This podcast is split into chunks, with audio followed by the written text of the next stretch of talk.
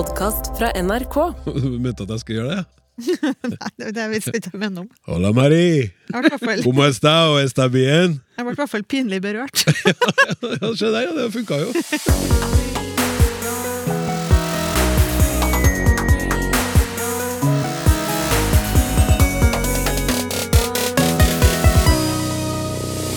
Før svarte vi på spørsmål, nå svarer vi ut. Hva har skjedd? Er det ikke ganske mistenksomt at folk roter med bruken av mistenkelig og mistenksom? Hva er egentlig forskjellen på å bli rørt og berørt av noe? Og hvorfor heter sydvest sydvest og klepp klepp?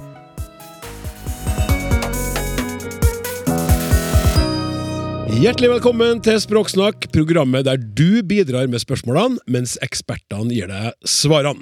Forrige gang så via vi hele timen til kunstig intelligens og det norske språkets framtid. Har du ikke hørt den episoden, så vil jeg anbefale deg å ta en lytt. Språksnakk fungerer også veldig godt som podkast, og du finner oss i appen NRK Radio. Men her og nå så er vi tilbake i vanlig gjenge. Vanlig gjenge? undrer du som er ny som lytter. Hva menes med det? Jo, da snakker vi stor variasjon, overraskende vendinger, ting du ikke visste at du lurte på, kunnskap du trodde du hadde som du ikke hadde likevel. Noe for enhver smak. Altså, om eh, språksnakk hadde vært et godteri, så ville vi vært eh, Twist. Hadde vi vært en middagsrett, så ville vi vært tapas. Hadde vi vært en idrettsgrein, så ville vi vært tikamp. Og hadde vi vært et multitalent, så ville vi hett Leonardo da Vinci! Ja, nå må jeg roe meg litt ned her, da. Men eh, dere skjønner greia. La oss heller ønske velkommen til ukas ekspertpanel. Mari Nygaard, Institutt for lærerutdanning, NTNU, velkommen. Takk for det. Toril Oppsal fra Senter for flerspråklighet ved Universitetet i Oslo, velkommen til deg. Og Leif Inge Aa, Institutt for lærerutdanning ved NTNU, velkommen. Takk skal du ha. Nå sa jeg jo at språksnakk var som twist.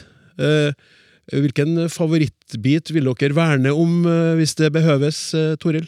Og nøtti, tror jeg den heter. Den er firkanta og har en nøtt i. Ja, den hasselnøtt... Ja. eh, Å, den er god. Eh, Leif Inge? Nei, Jeg, er- jeg, er en, eh, jeg er forsvarer ofte den der med banansmak. Den som Jeg tenkte at du Ja, kom ja. til å si banansjokoladen! Jeg vet ikke hvorfor. Ja, den, den er faktisk ganske god. Undervurdert. Mens er kokostypene kan du bare hive, altså. Akkurat. Ja. Uh, og Mari? Litt kjedelig, men jeg vil uh, hive meg på kampen om banan. Den var jo ut en periode, Ja. og har kommet tilbake i tvistposen, så det er jeg veldig veldig glad for.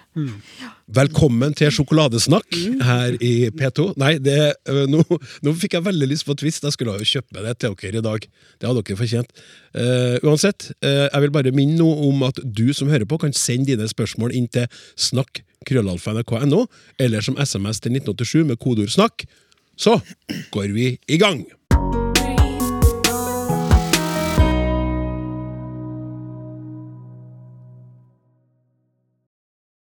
Og vi begynner med at det er en favoritt eh, for meg. da. Irritasjonsrela- altså Spørsmål som er sendt inn eh, bygd på irritasjon, eller basert på irritasjon. Der står det faktisk eh, helt i starten av e-posten Hei sann! Irritasjon! Kolon. Folk vet ikke forskjell på mistenkelig og mistenksom. Hjelp! Og takk for bra program, skriver Ingrid. Og så har vi også fått inn fra Kristina Ek. Hei!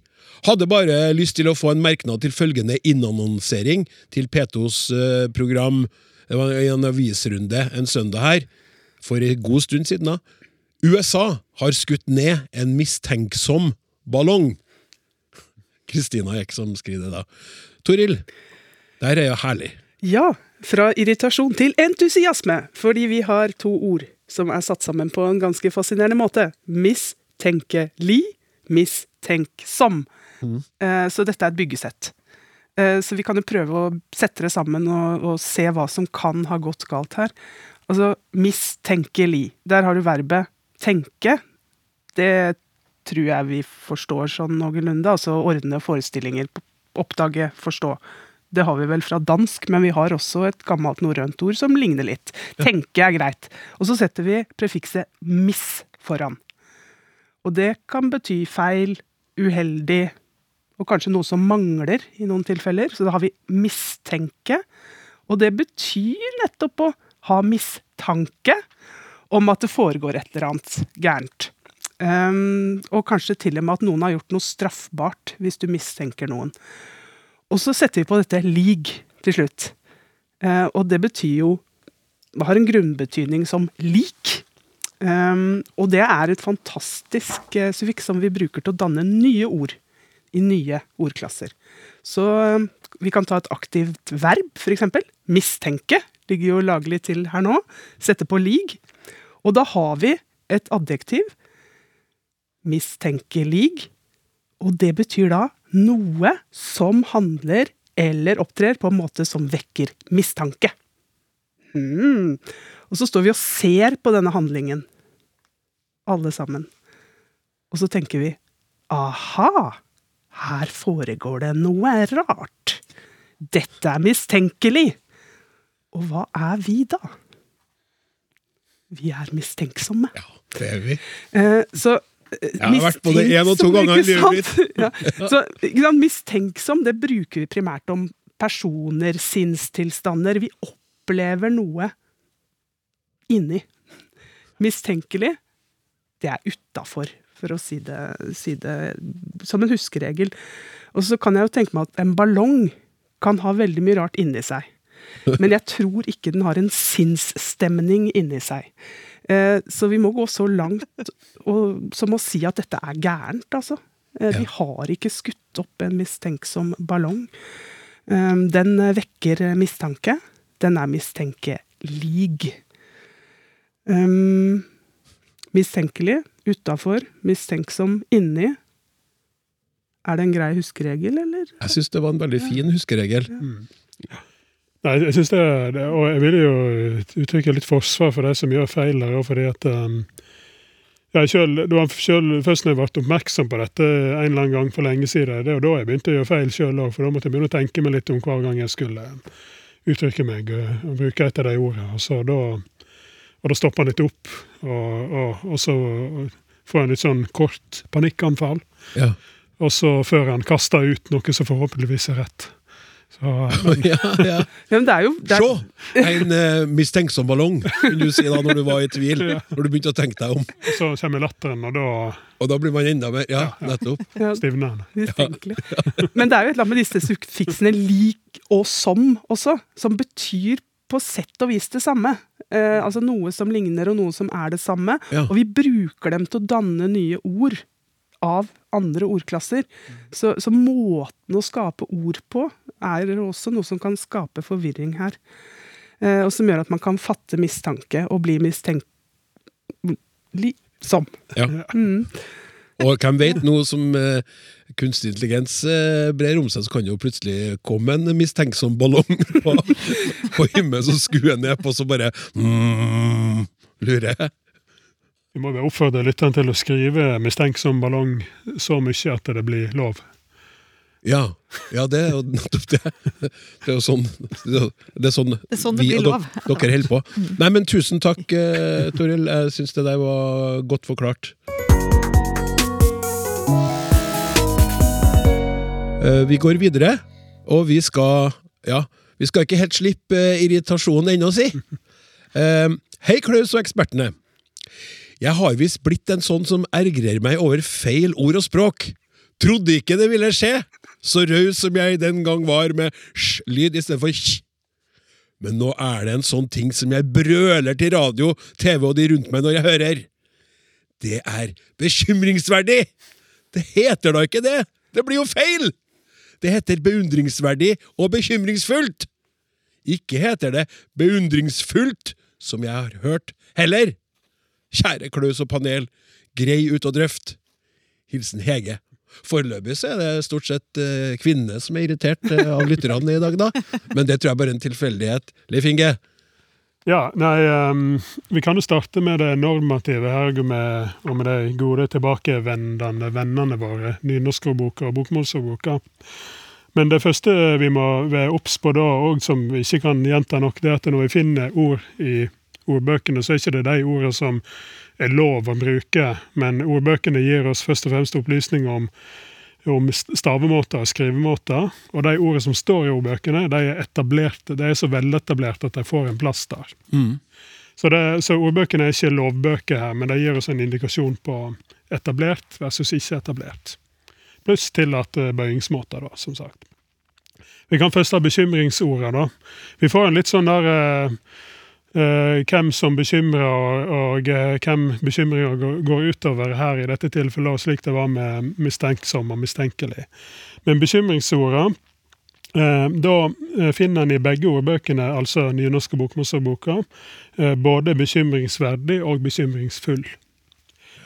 Eh, Og de blir faktisk òg definert bra synonymt. Men det kan kanskje være litt problematisk å definere det helt, eh, helt likt, iallfall.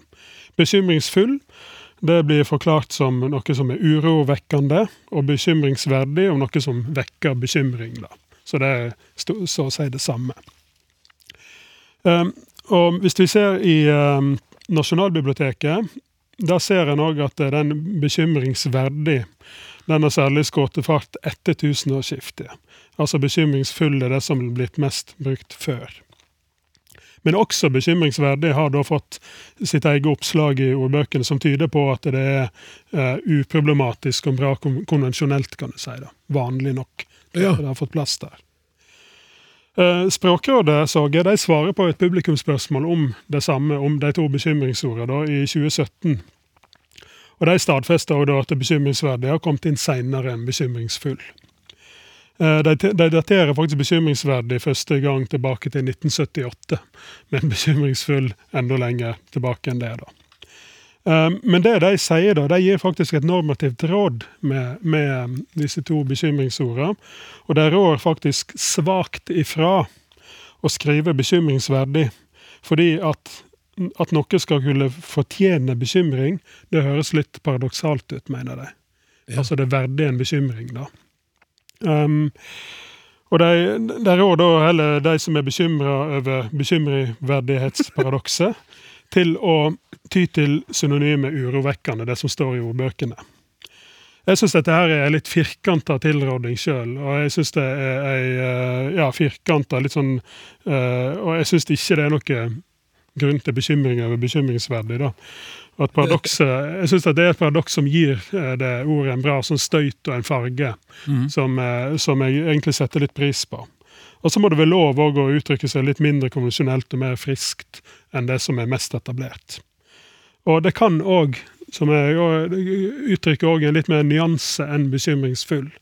Jeg vet ikke om dere er enig i det der, eh, at jeg syns dere språkrådet er for firkanta? Ved å unngå bekymringsverdig? Men Jeg satt og tenkte på det, det er ikke sikkert at det er noen som har eh, lista det opp, da, men sjøl er jeg en litt sånn bekymra type, tror jeg. Er det det? Ja, kanskje noen gang. Og jeg kjenner at den, den betyr nyansen av bekymringsverdig som sånn, det kan jeg det, kan, det er verdig å bekymre seg for, men noe annet er på en måte ikke verdt å bekymre seg for. Det er jo en nyanse som jeg kunne Ja. ha litt bruk for en gang iblant. Så, ja, men der, herre her er kanskje Det vekker uro hos meg, men jeg, det er ikke verdt å bekymre seg for. Det er Mm, ergo ikke er bekymringsverdig. ja. Mm. Men eh, jeg vet ikke om det fins, altså, men for meg er det en nyanse. Ja, ja men, men det, jeg tror den nyansen, den eh, Språkrådet de sier jo også videre at, og det, at opphavlig så har jeg gjerne bekymringsfull vist til den, den som bekymrer seg, da. Mm. Altså at du, er, du kan være en bekymringsfull person. Du går der du er full av bekymring. Ja. Og så, og, men så har det òg etter hvert blitt brukt mer om det en bekymrer seg over. Mm. Altså det er et bekymrings, en bekymringsfull situasjon, f.eks. Mm. Så da har vi dette indre og ytre greiene som Ja, vi er snakker om. Men mm, hvis jeg husker riktig, så er vel den betydningen også veldig veldig gammel. Altså det å bruke bekymringsfull om tilstander. Eh, også relativt utbredt. Mye eldre enn 1978. Kanskje heller eh, Ja, det var- 1778. Det var vel bekymringsverdig som var brukt Ja. første gang. eh, Altså bekymringsfull eller er eldre. Ja, ja Mm. nemlig. Men, men i den samme betydningen. Så, men folk reagerer jo på det i dag, Mm. til tross for en Ja. lang eh, Ja, at det har blitt lenge. Ja, så jeg, jeg tror da at den eh, bekymringsfull den kan, den kan få denne tvetydigheten tydeligere, mens bekymringverdig da er det mer den ytre, det du Mm. bekymrer deg over. Sånn at um, hvis du, har- jeg, lagde, jeg måtte konstruere et eksempel der. da, Hvis du har frasen 'et bekymringsfullt Rosenborg', eksempel, Mm. så vi nå sitter i denne byen her, det er mye bekymring over, Ja, over denne klubben ja, her. hva skal du si nå? Nei, jeg skal si at det, det, kan, det kan jo bety, eh, da, ut fra det vi sier nå, to ting. At f.eks. for eksempel hvis du har setninga vi så at et bekymringsfullt Rosenborg la ti mann i forsvar på Fosshaugane. Da, det, jeg fant på det sjøl, da. Da, da, da, er det de, da er det laget sjøl som bekymrer seg sånn over Sogndal at de legger seg i forsvar. sant? Et bekymringsfullt Rosenborg. Men hvis du har setninger Men det kan òg være og et bekymringsfullt Rosenborg kunne òg være et lag som det for andre er grunn til å bekymre seg over. Mm. Og da um, Det ville helt klart for meg ikke vært bekymringsverdig. Nei. Ingen av delene. Så det, men, men det er det jeg mener at det er bekymringsverdig. Det kan tydeligere få frem den her um, At du bekymrer deg over noe annet da, enn Ja. at du går full av bekymring. Så jeg, jeg vil jo ikke som, eh, som programleder i dette programmet gå imot Språkrådet på noe som helst vis, men jeg vil si at jeg er veldig enig med deg, Leif Inge. Ja, altså, eh, jeg vet ikke om vi skal dra det, ta et like langt resonnement om beundringsverdig og beundringsfull, men det er litt av det samme eh, om det indre ytre aspektet som vi snakker om med, med de andre ordene vi var innom.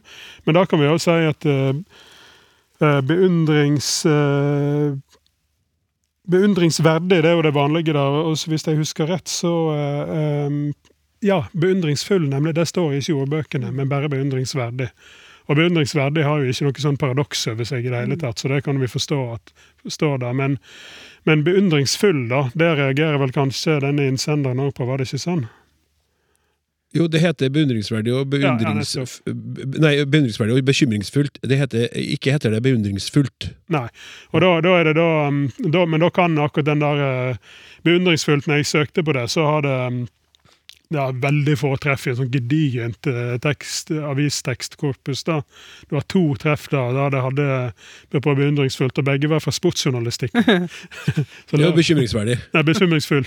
Nei, beundringsfull. Ja, jeg forsto det. Ja. Men du sa at det var fra sportsjournalistikken, og det er jo bekymringsverdig. Ja, sånn, ja. Det var var en vittighet. ja. Jeg oppfatta ikke. Nei, ok. Jeg beklager. Nå ble jeg bekymra for at du ikke forsto noe som helst. Ja. ja, jeg, ja, det var lite beundringsfullt av meg. Men, eh, men Hva skal vi bare si? Urovekkende!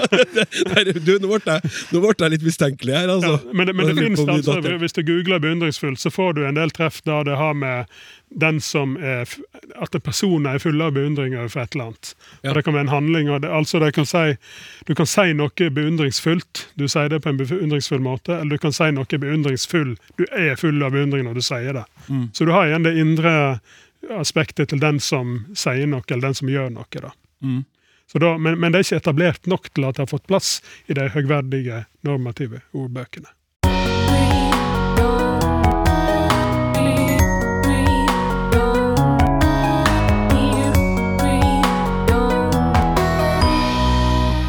Hei! Takk for et eh, kjempebra program for oss nerder med språk som hobby. Har et spørsmål vedrørende bruk av rørt og berørt av. Jeg hører ofte at berørt av brukes i sammenhenger der det for meg hadde vært naturlig å bruke rørt. Dette gjelder både skriftlig og muntlig. En sportsreporter haha, sa for eksempel at vinneren var sterkt berørt av seieren. Da regner jeg med at vinneren var følelsesmessig preget av å ha vunnet. Jeg trodde berørt av noe, noen betyr fysisk berøring, eller rammet, mens rørt har med følelser å gjøre.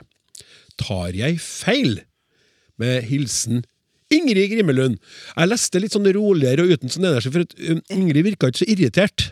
Nei, Mer Mer undrende. undrende. Mer undrende, ikke sant? Ja, og jeg tror jo hun har eh, satt fingeren på noe som er riktig å sette fingeren på. Ja. Eh, men jeg må innrømme, når jeg leste det her, så tenkte jeg å guri, jeg lurer på om jeg kanskje blander litt uh, sjøl, egentlig, innimellom på det her. Er litt usikker. Det er Mm. vanskelig å gå tilbake og finne ut det, da. Eh, men sånn til forsvar for meg sjøl og for andre som eventuelt måtte blande det her eh, sammen litt, så er det jo åpenbart at det her er ganske beslekta ord. De ligner jo på hverandre. Røre og berøre. Men så har du den her Ehm, røre kan jo både være assosiert med det å berøre noe, altså det å ta på noe, sånn sett, men så kan det også være røre i det å røre på seg, bevege noe. Der ligger det nok en kime til et eller annet, for vi har jo det også det å være bli beveget av noe, som ligner på det rø å bli rørt. Så la oss ta dem litt sånn hver for seg. Mm. Eh, hun har jo helt rett i at be- betydninga til å, eh, å røre noen, eller å bli rørt, det handler om det å bli grepet av følelser. Eller eh, noe rørte ved oss, eller det rørte egentlig ved følelsene våre, da, eller emosjonene, eller Så vi ble rørt til tårer, eksempel. Så det er jo helt riktig. Og så, men det skal egentlig sånn normer, normert sett så skal det være atskilt fra berøre, som er å angå. Eh, enten, altså det kan være, altså I overført betydning, det kan være fysisk, at man berører noe helt sånn konkret. Det berører Jeg berører stolen eller bordet.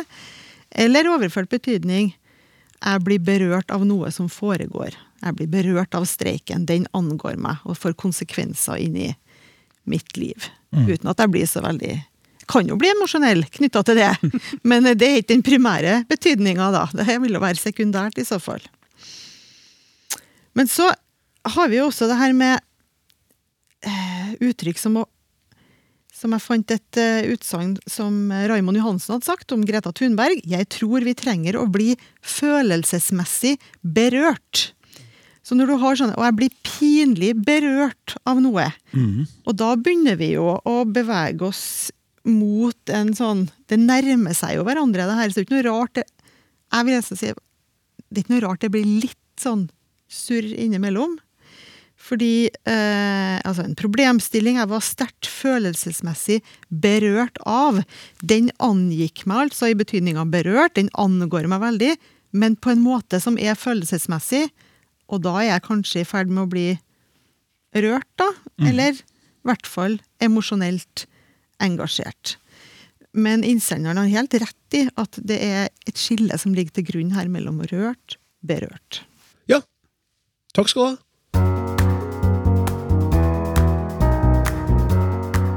Hei, jeg heter Jo, og favorittordet mitt det er eh, hybris. Fordi det er et veldig stilig ord som brukes altfor lite i språket.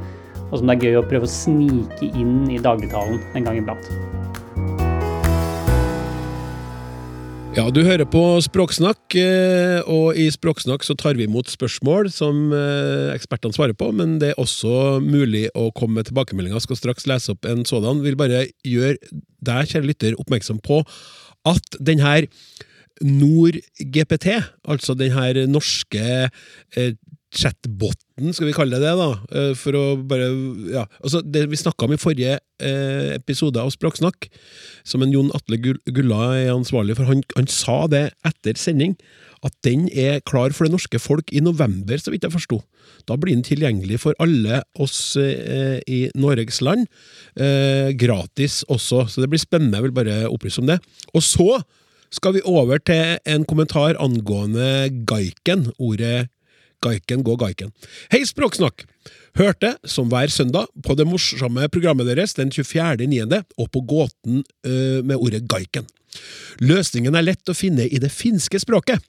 Ordet er det første i det bibelske uttrykket all jordens vei, som på finsk heter kaiken øh, meilen meilmen tie.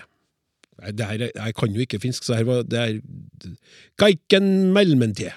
Finske ord bøyes, og kaiken er genitivformen av kaiki, som ble nevnt som en av teoriene. Og det å gå all jordens vei betyr jo å gå til grunne. Vennlig hilsen Tellervoleine Vadsø.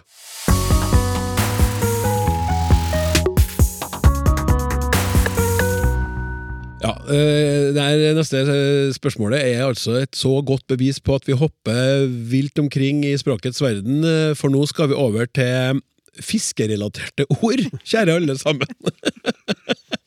Altså, Hvem så den kom etter eh, det vi har prata om til nå? Hei, Klaus og co. Har et knippe fiskerelaterte ord jeg gjerne skulle hørt mer om opprinnelsen til. Klepp. Klubbe med spiker for å huke inn storfisk. Fønvind. Plutselig varm vind midt på nattfiske. Svartfisker. En som ikke fikk fisk på fisketuren. Mort. Liten agnfisk som hives ut igjen. Og sydvest. Regnhatt. Med vennlig hilsen, hold dere fast, Lille Hiawatha. Um, korte forklaringer på, på ordene, men altså opprinnelsen, eh, kjære folkens. Toril. Ja, ja, jeg, folkens. Ja, det, du- du- det er jeg. Du starter med folkens, Ja, så kanskje kan de andre hiver Ja, seg et par av disse orda tror jeg jeg kan si noe om. Altså, her kan vi jo snakke om været, for det første, eh, når det gjelder Sydvesten.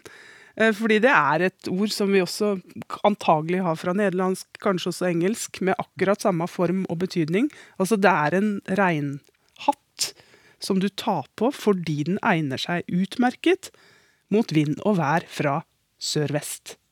Så konkret er det. Ja. Eh, Jeg har ikke noe begrep om når Sydvesten kom eh, på mitt hode, eller i vårt språk. Det veit jeg ikke om kollegaene her Nei, jeg vet ikke heller, men Nei. er en ting som er interessant, det er vel et av ytterst få ord der jeg sjøl har ord, syd Ja, i ja. for Det er jo så etablert med sydvest og ikke sørvesten. Du tar Ja. ikke sørvesten på hodet. Ja, Jeg tror jeg kommer bare på i farten sydvest og Sydpolen. Eller så er sør resten i, i resten av vokabularet mitt, kan du si. da. Ja. Det, så det, det sier jo noe hvor etablert det òg er. Da. Det, det er ikke under konkurranse, det er ikke noen sidestilling med sør-vest. Men eh, rart at Lilly har ikke spurt om det merkelige hodeplagget nordøst. ja. Det får vi ta en annen gang. Alltid fint vær fra nordøst. Ja. Jeg holdt på å si Apropos det, den her fønvinden. Den henger også sammen med været. Mm.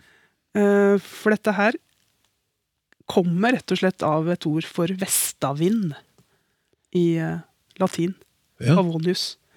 Eh, Så der snakker du om været, altså en vind som da går ned, som fallvind, på lesiden av et fjell.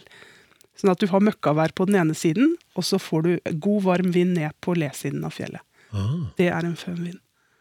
Men har, eh, så er det bare meg som blir litt eh, stuss over at eh, det er midt på nattfiske, at det må være på natta? Så kan ikke fønvinden være Jeg blir mer Blir jeg mistenksom? Ja, det gjør jeg. eh, For at jeg er på nattfiske, jeg. Men eh, det Nei. nei, nei. Mm. Men det jo, Nei, men det er ikke Men hele havet Ja. Kan ikke det komme hele døgnet? Kan ikke en fønvind dukke opp når som helst? da? Jo, jeg vil heller tenke at han, eh, at han hvis du betrakter eller betegner noe som fønvind, da er det, da er det atskillig varmere enn det skulle ha vært. Så kanskje det kommer også i en litt kaldere årstid enn eh, Ja. eh, Jeg vil ikke snakke så mye om fønvind om sommeren, kanskje. Men, um, men òg Toril oppga den der vestavindbetydninga som er den opphavlige latinske eh, betydninga. Så i den ordboka Nauborg oppgir jo en litt rar, eh, sånn, en merkelig, i hvert fall ny for meg, eh, en, en, en veg det ordet har vært innom via tysk føn, sier de. I denne betydningen, altså førvind påvirket av det tyske registrerte merkevarenavnet føn, navn på hårtørker. At, Ja. det, at det er sånn direkte henta fra det, det er jo et hårtørkermerke. Å ja. Oppgir de da i ordboka. Det, det har ikke jeg eh, undersøkt nærmere, men det er jo eh, Føner ikke håret så mye, du. Nei. Slutta med det i 1989. Um, Et ord som var nytt for meg her, eh, det var svartfisker. Apropos å være ute på nattfiske. Og Ja. det er i norsk ordbok så er det markert som Trøndelag. Mm. Så nå ser jeg litt Jeg ser meg rundt her. altså Det er en som det følger ulykke med på fisketur. Mm. Og Jeg kan jo se for meg at dette er i forleddet svart. Det er jo noe dystert og noe litt uh, ja. Mm. Altså, du, du, du skjønner jo fort hva det er. Det er, altså, det er ikke noe bra med en svartfisker. Men det er ikke svartarbeid, det er svart uh, som i mørket. Mm. Ja, for han får ikke fisk. Mm. Bringer ulykke over fisken? Mm. Nei, jeg vet ikke. Det er rart det bare trønder... for-. Ellers ser du disse fiskeordene, både mort som og, og ja, eh, klepp og disse vanlige Ofte er jo disse her eh, heimfesta til hele kysten, sant? Der det blir fiska. Mm. Men akkurat denne her eh, svartfiska, den, den Jeg så det jo at den var bare notert i Trøndelag. Men jeg tipper at den er mer utbredt, altså. Og mort er gammelt norrønt ord, Mm. og det er brukt på veldig mange språk. Men det har to betydninger. Det ene er denne her lille, og særlig en liten sei som du hiver ut igjen. Men det er også et eget, eh, altså en egen art. En Liten ørrettype. Rutilus, rutilus. Rutilus, rutilus! Det er en mart. Akkurat. Og så spurte du om kleppen. Og Det er også et veldig gammelt ord eh, med norrønt opphav. Men hvorfor denne klubba med spiker eh, har blitt en klepp, det er jeg ikke sikker på. Men klepp er jo også brukt om knauser, utspring, altså ting som har eh, spisser eh, og er harde. Og kanskje ikke så greie å komme ut for hvis man er en mort. Ja. Ja. Men det slår meg med klepp, det ordet, at um, jeg synes det, for Innimellom så har man sånne ord som man føler passer. Mm. Selvfølgelig har du jo For det har vært der, det med en klepp. Jeg, jeg syns det stemmer så bra med det du gjør med kleppen. Det er sånn klepp.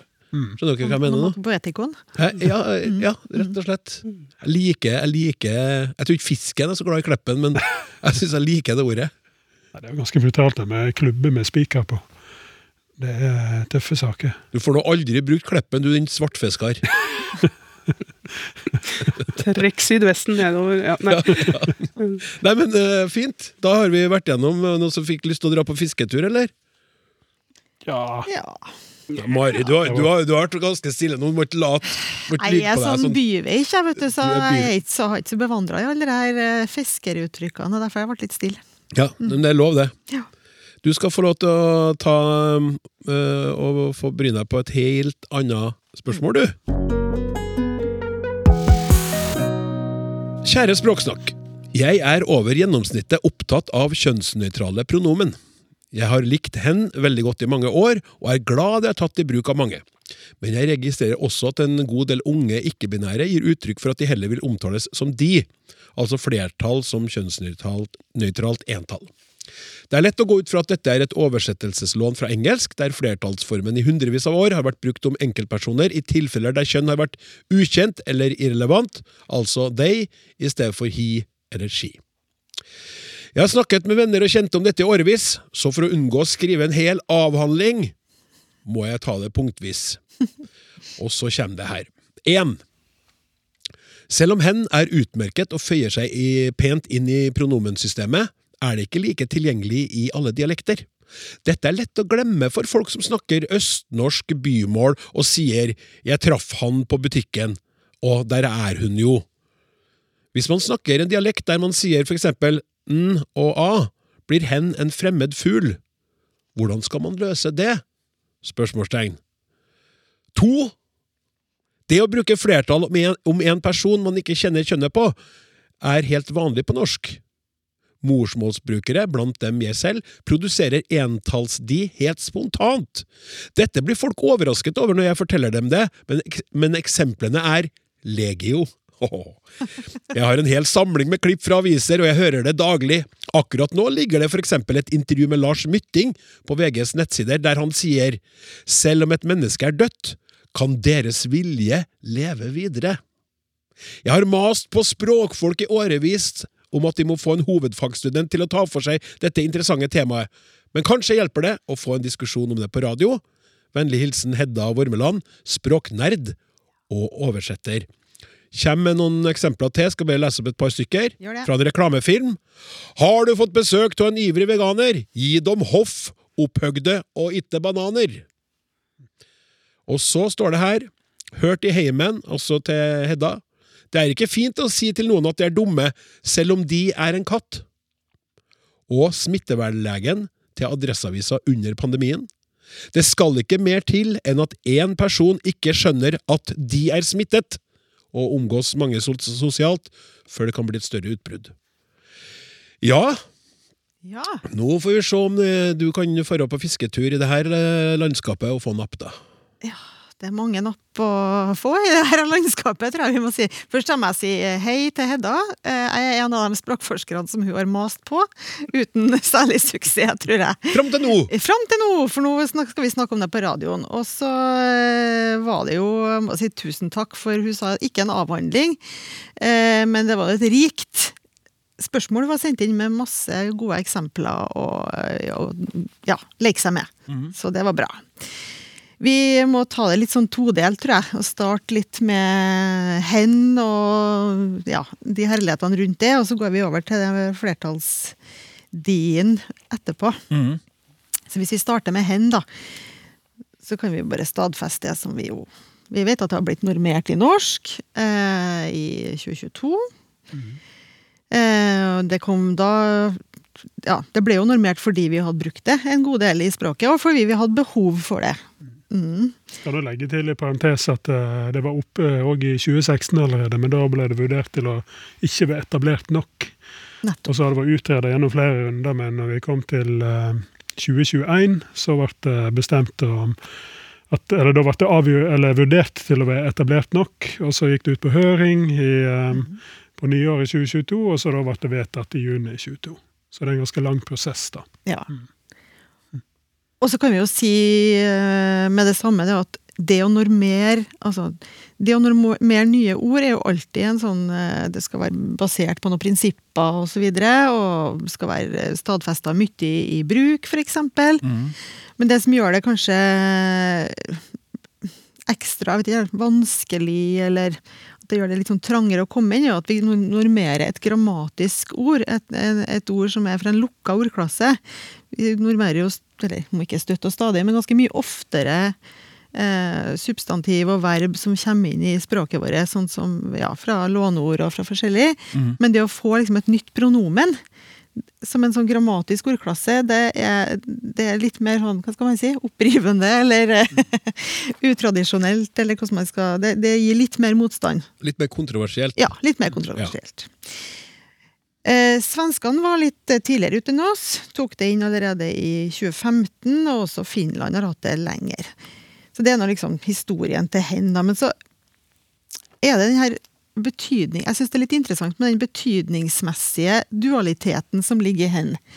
Du har på en måte både det her um, En person hvis kjønn, eller altså når vi ikke vet helt hvilket kjønn det er snakk om, eller det ikke er helt, er helt vesentlig for sammenhengen, eller vi, ja, det liksom skal holdes skjult, kanskje, eh, da bruker vi hen. Mm -hmm. Eller kan bruke hen. Og så har du den andre betydninga, som er liksom en person som foretrekker hen, der det er på en måte knytta til en sånn ikke-binaritet på kjønn. Mm. Og det er jo litt forskjellige nedslagsfelt, vil jeg si, og i hvert fall for egen del. Og jeg syns jeg har oppfatta òg, eh, med folk jeg skriver med og snakker med, at den betyd... Jeg syns det er interessant at den betydninga med eh, kjønn Altså der, der kjønnet er ukjent, der vi kanskje tidligere brukte andre former, mann, eller ja den er på en måte mer lettere å bruke. Der syns jeg bruker det støtt og stadig i formelle sammenhenger der du ikke vil skrive 'han skråstrek hun', så skriver man bare 'hen'. Ja. Men, så den, den har på en måte sklidd ganske sånn mm. er Mitt inntrykk er altså sklidd ganske greit inn i i språket. Men Den effektiviseringa av språket også. Det, ja, det, du, sier, du, sier, det med et lite ord, så sier du veldig mye mer enn bare ordet der, da. Mm. Det er veldig greit skriftlig å slippe den skråstreken eller vedkommende eller ja. Et eller annet sånt. Og så var det en viktig nyanse Maria sa da, at det er et ord som en kan bruke. Ja. Og Språkrådet har aldri pålagt noen å bruke dette ordet, men det er, et, eh, det er altså det er gitt et ord som blir brukt i form, eller offisiell form. Og det er et tilbud om å bruke den forma. Men det, det, aldri, det, vil aldri si at du skal bruke dette ordet, og ikke det ordet. Nei, det, er er ikke sånn heller ikke på. Mm. Mm. Men det er òg interessant, eh, for du var inne på at eh, det var opp allerede i 2016. Mm. Og der var det eh, Ja, noe sånt eh, rundt da. Eh, I en artikkel som jeg fant om det her nettopp på Språkrådet sine sider fra 2016, så uttalte de seg, og da sa de ja, da ville de anbefale å bruke hen som det her ikke-binære, fordi mm. at man ville tilstrebe seg å være Da var det argumentert med at man ville tilstrebe seg å være tolerant og åpen for folk som hadde behov for å bli omtalt med hen. Mm. Og at det var på en måte en sånn ideologisk forklaring. Mm. Men der var mer avventende til den her hen som ukjent, vet ikke helt hvilket kjønn det er snakk om, vi vil ikke det er ikke så farlig, eller vi vil på en måte bare oh, ja. ikke kommunisere. Det var ikke de så, for der kunne vi bruke andre, eh, andre formuleringer, mm. sa de på det tidspunktet. Og Derfor syns jeg det er interessant at den bruken har på en måte bare sklidd inn, kanskje for vi hadde behov for å effektivisere eller gjøre det enkelt, eller ja. Det er jo fascinerende at den ene betydningen, der er kjønn irrelevant. Og i den andre betydningen så er det relevant at kjønn er irrelevant. Mm. Og, og, nettopp det at det er relevant og, og er meningsbærende og ganske sterkt, mm. gjør nok at den tar lengre tid å gripe fatt i. Og kanskje det også er litt av grunnen til at det... noen foretrekker flertallsformen. Mm. Ja. Dette betyr noe for meg, ja. uh, og det får jeg ikke mm. sagt gjennom hen, ergo griper jeg til de. Ja, nettopp. Mm. Som er det andre spørsmålet. Men bare, uh, Vi kan litt, komme litt tilbake til det. Jeg bare synes vi skal også dvele med den uttalemessige elementet som ja. Hedda peker på som jeg syns er interessant, men det henger litt sammen. For hun sier at ja, men i talespråk så hva- Jeg husker ikke akkurat hvordan du formulerte det, men eh, at hen kanskje ikke klinger like godt i alle dialekter, Ja. eller at det, at Hvis man snakker en dialekt der man f.eks. sier n og a, Ja. sant, ja. Ja. der er den. Da blir det, Der er ja, men kan det handle om at det blir tvetydig? For hvis jeg sier eksempel jeg snakker Thea, så er det utvetydig at jeg snakker til ei dame. Mm. Men hvis jeg sier snakker teen, en, så kan det være at jeg snakker til en mann. Mm. Eller kan det også, kanskje også være kortformen av hen. Ja, jeg tror at det kan oppstå jeg- forvirring der, da. Ja, og den forvirringa er man kanskje ute etter at det ikke skal oppstå. For at hvis man sier hen, og det er litt sånn som du sier, Toril, hvis man sier hen, så vil man på en måte være sikker på at det er hen som kommer fram. Det skal ikke være utvetydig Nei, unnskyld, det skal ikke være tvetydig. Eh, at man snakker om noen som ikke er binær, for da skal det på en måte Ja. Nå vil jeg få fram at jeg bruker hen, fordi jeg vil på en måte kommunisere at jeg er bevisst det her skillet, og at jeg bruker det her pronomet. Jeg hadde ikke eh, naturlig i talemålet mitt, eller jeg har ikke integrert i talemålet mitt fordi jeg ikke har brukt det. Det, det er jo for nytt da. Det, jeg var jo voksen og vel så det når dette ble eh, et tema, i hvert fall i min bevissthet. Og da, og sånn at de, um, de, de tradisjonelle pronomer, eller han og hun, der vil jeg bruke naturlig trykk svakt, mens det, det vil jeg ikke like naturlig med hen. Da Da blir det heller at jeg legger, vekt, legge trykk på det, og der, dermed får det en, eh, en litt annen eh, prosodi enn en, um, de tradisjonelle pronomene. Litt annen. Ja, eller Tonefall, på en måte. tonefall, ja. Mm. Det er nesten som man tar litt sats, kanskje, de gangene man skal bruke hen. eh, Ja. Som jo sånn, tegn på at det i hvert fall ikke mitt talespråk har sklidd helt naturlig inn. Mm. Jeg må liksom bestemme meg litt. Jeg for min del syns det er mye mer eh, vanskelig å forholde seg til de. Mm. Da- Da tar jeg virkelig sats. Da må du ta virkelig sats. Ja. Du synes ikke du må ikke ta så mye sats når det er hen, men du må ta mer Nei, på de. har, de. der er det kontroll. Han, hun og hen. Det, det, det, det, men de, da Da mister Jeg blir forvirra og usikker, og så løper på om det var riktig. Ja. Uh, ja, Begynner å Ja, nøle. og der er vi litt over på liksom det her med hvem er det som altså, Det er jo nå din språkfølelse hva du syns det er naturlig å bruke. Ja, men Og- men også fordi er det er et sånn så vanskelig område.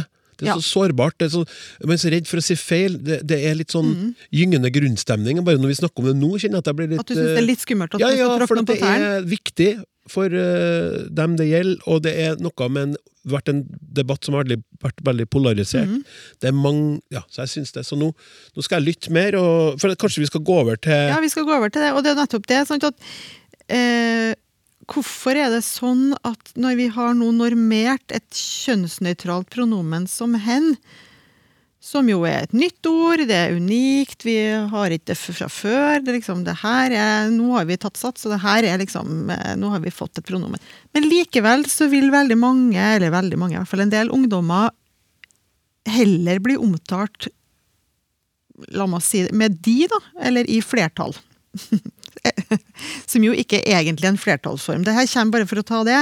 Det her kommer fra det engelske they, der de har normert they som tilsvarende hen i norsk. da. Det kom inn og ble kåra i 2019 til årets nyord i den store ordboka Merriam-Webster. Så det er på en måte den engelske. Så vi kan si at sånn, helt enkelt forklart så er det påvirkning fra engelsk. Så det er et slags lånord som etablerer seg som alternativt til hen, da. Men det interessante er jo hvorfor vil man heller ha det? Hvor, altså, hvorfor fyller man seg mer til rette i Og det har ikke jeg noe sånn eh, svar på hvorfor det er sånn, men jeg syns det er interessant. Eh, og så berører det, sånn som du sa, for din del er det lettere nå å si hen Ja. eh, enn å si de til dem som Mens hvordan oppleves det for dem som vil bli omtalt som hen ja. eller de? Ja, og det er jo to forskjellige perspektiv. Også det å Hedda viser til at Mm. vi, vi produserer entallsdi spontant sjøl. Ja, så det er masse brukt. Da. Det er jo det hun viser, sant? at den de-formen har faktisk kommet inn i, det, Mm. i, i språket og etablert seg eh, som språkform. Og så om den er normert, det er den jo ikke. Nei, det er den ikke. Og, det, og for meg er det jo ikke Jeg bruker det ikke spontant eh, som entallspronomen på den måten. Og, og, og for meg så igjen en halvgammel mann, så har jo jeg etablert mitt språk og, og um, har sikkert litt tyngre for sånne sånne nyvin, men her er det jo til forskjell fra hen som Marissa, så her er det jo ikke, heller ikke et nytt pronomen, men det, det, er et, det er det samme, det er et etablert pronomen i form som har fått en ny betydning. Så og, da, og, og det kan jo òg skape en sånn um, forvirring for uh, halvgamle folk som meg, da, som står liksom utenfor. som meg, blir bli med, eller jeg, jeg, jeg tror jeg er halvgamlere enn deg òg, faktisk, for å si det sånn. Med god margin. Ja, med god margin. Ja.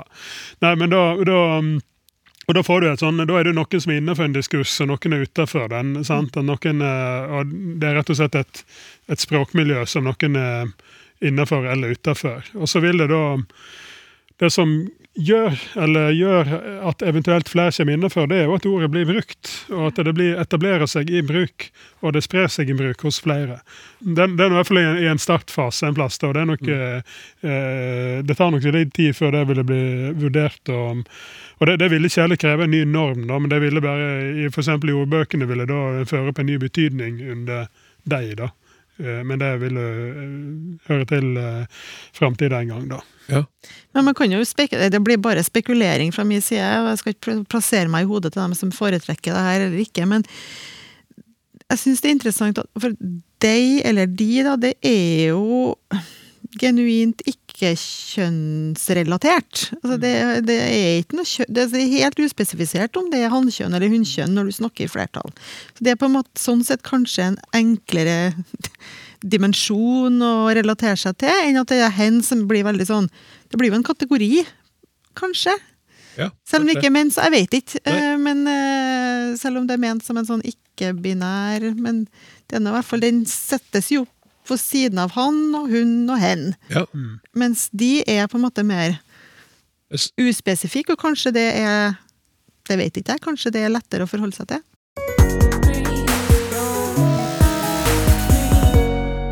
Hei!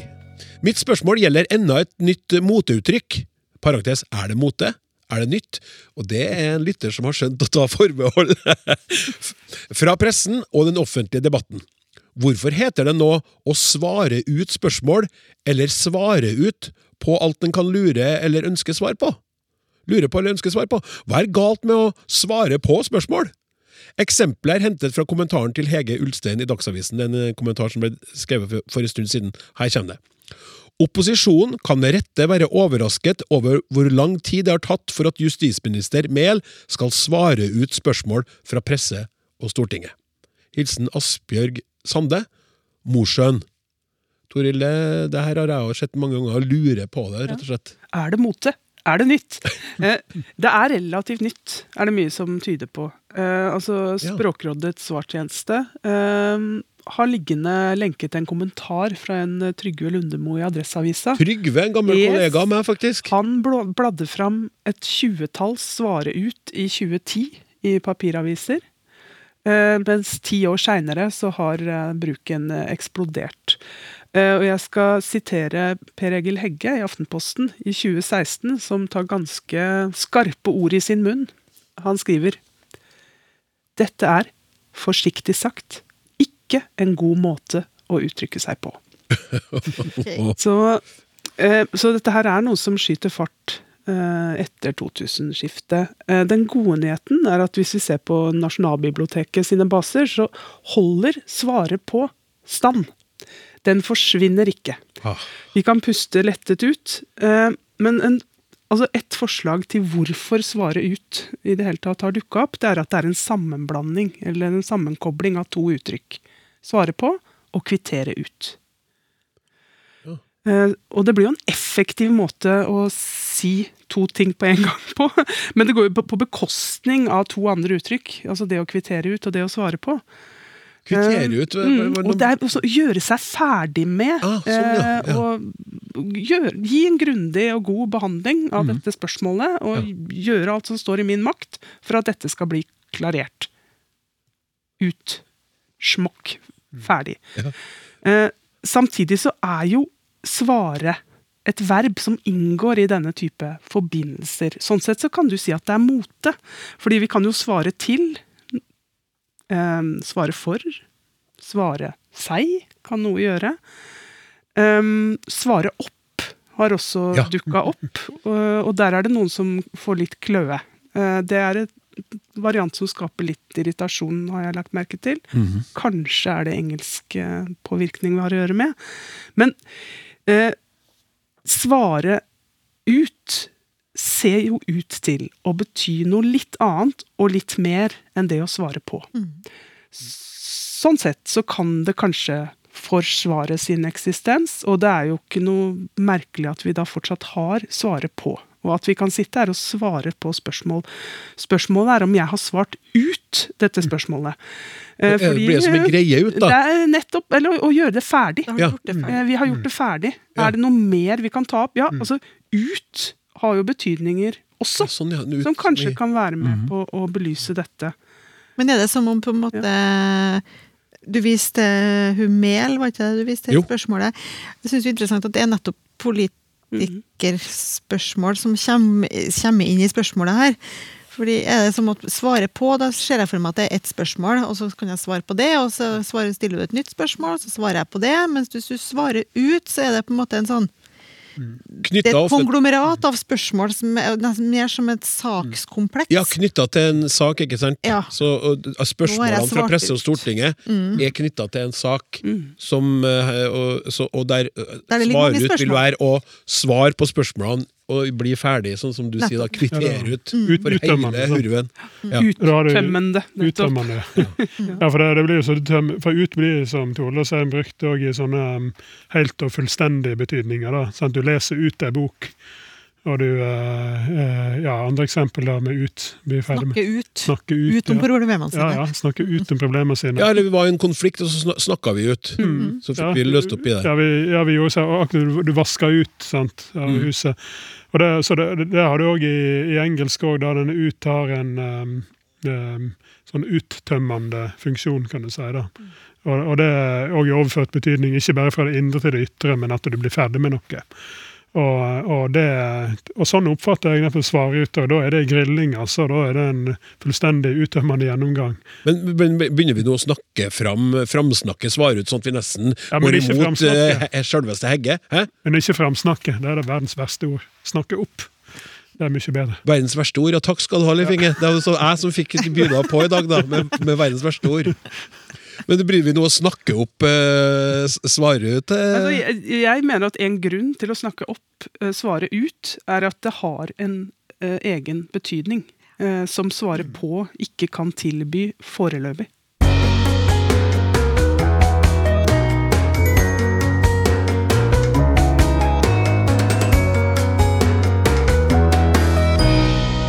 Her har vi fått inn eh, eh, to spørsmål fra Erik K. Vi tar det ene her og nå. Ordene tolke og fortolke brukes i forskjellige sammenhenger. Hva er forskjell i bruk?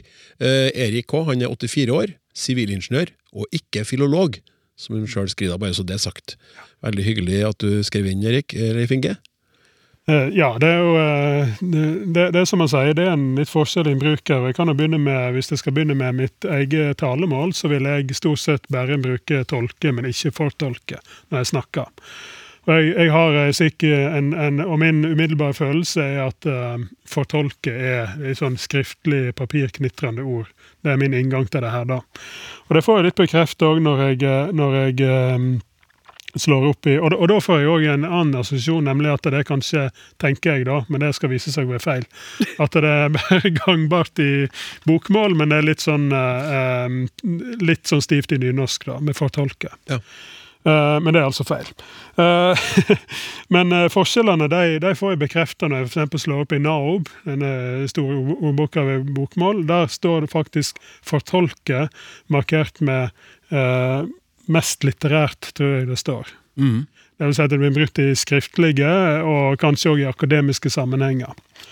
Og det, og det er nettopp det det blir, ser jeg det. Det betyr jo stort sett det samme at du prøver å tyde og forstå et eller annet og formidle et eller annet som står en eller annen plass, eller noe du observerer. Men, eh, men det er ofte i mer sånn eh, akademiske og vitenskapelige sammenhenger med fortolke. Og protoeksempler blir da kanskje å fortolke Bibelen, fortolke lovtekster, fortolke en dom, og fortolke litterære tekster, ikke minst. Men en kan òg fortolke verden, fortolke atferden til noen. Men jeg ser da at det er brukt eh, altså å fortolke for eksempel eh, eh, ja, noe, et, et studieobjekt da, som en forsker nærmere på. Så fortolking, det, er, eh, det viser da til en, en mer vil jeg, i hvert fall er min, det jeg har, eh, har funnet så langt, en, en mer vitenskapelig og systematisk, systematisk aktivitet enn bare en tolking nødvendigvis gjør. Tolking kan òg eh, brukes der fortolking blir brukt, men ikke nødvendigvis motsatt. For å tolke noe, det kan vi gjøre mer med hverdagslige ting. Altså. Jeg tolka det som om du ville være med på kino. Ja, nettopp. Du sa det der. Men du kan ikke fortolke det. Nei. det blir, det, blir det, det, det blir for Ja, så, sånn til tolke har jeg òg det mer sånn hverdagslige eh, benevnelse. Du kan tolke mer hverdagslige objekter, om man kan si det slik, da. Og mm, så da, eh, bare for å komme et par eksempel til som du, eh, liknende det du sa nå. Altså En kan stort sett bruke tolke det en bruker fortolke, men ikke motsatt. Et eksempel fra Sogn Avis i 2009. Der står det så i avisa at ordføreren hadde brei støtte fra medlemsmøtet. Jeg tolker det ikke slik. Da kunne du ikke sagt jeg fortolker det ikke slik. Det ville være rart. Um, tolker, ja, også, men et annet eksempel, motsatt eksempel da, hos uh, Kjartan Fløgstad i Det 20. klima. Siden blir det opp til de skriftlærde å tolke den teksten Salims liv og verk har skrevet ned. Der kunne fortolka òg blitt brukt. sant? Å fortolke den teksten. Men han bruker tolka. Så, eh, så um, Han kan si det så eh, litt kortfatta, det at de, de har en overlappende bruk, men uh, fortolka mer skriftlig, mer vitenskapelig og mer akademisk. Tolke mer hverdagslig. Språksnakk er slutt for i dag, og om du likte det du fikk, bruk gjerne Jungeltelegrafen for å spre det glade budskap. Jeg vil gjerne snakke opp eh, språkforskerne våre, Toril, Mari og Leif Inge. Teknikken var, ved, var ved Martin Våge. Produsent Randi Lillehalteren. Jeg heter Klaus Sonstad. Vi snakkes!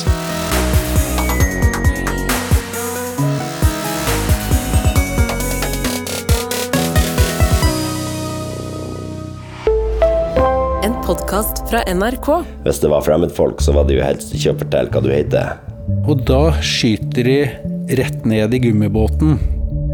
Det her er en historie om hva som skjedde da Norge gjenopptok hvalfangsten på 90-tallet. Til sjokk og avsky fra omverdenen. Og hvorfor akkurat hvalen vekker så mye følelser, både blant de som jakter på den, Du går jo ikke på hvalfang for at du syns det er artig. Og de som vil beskytte den. Det var den eneste gangen i miljøkampen som jeg har følt at dette er krig. Hør Hvalkrigen i appen NRK Radio.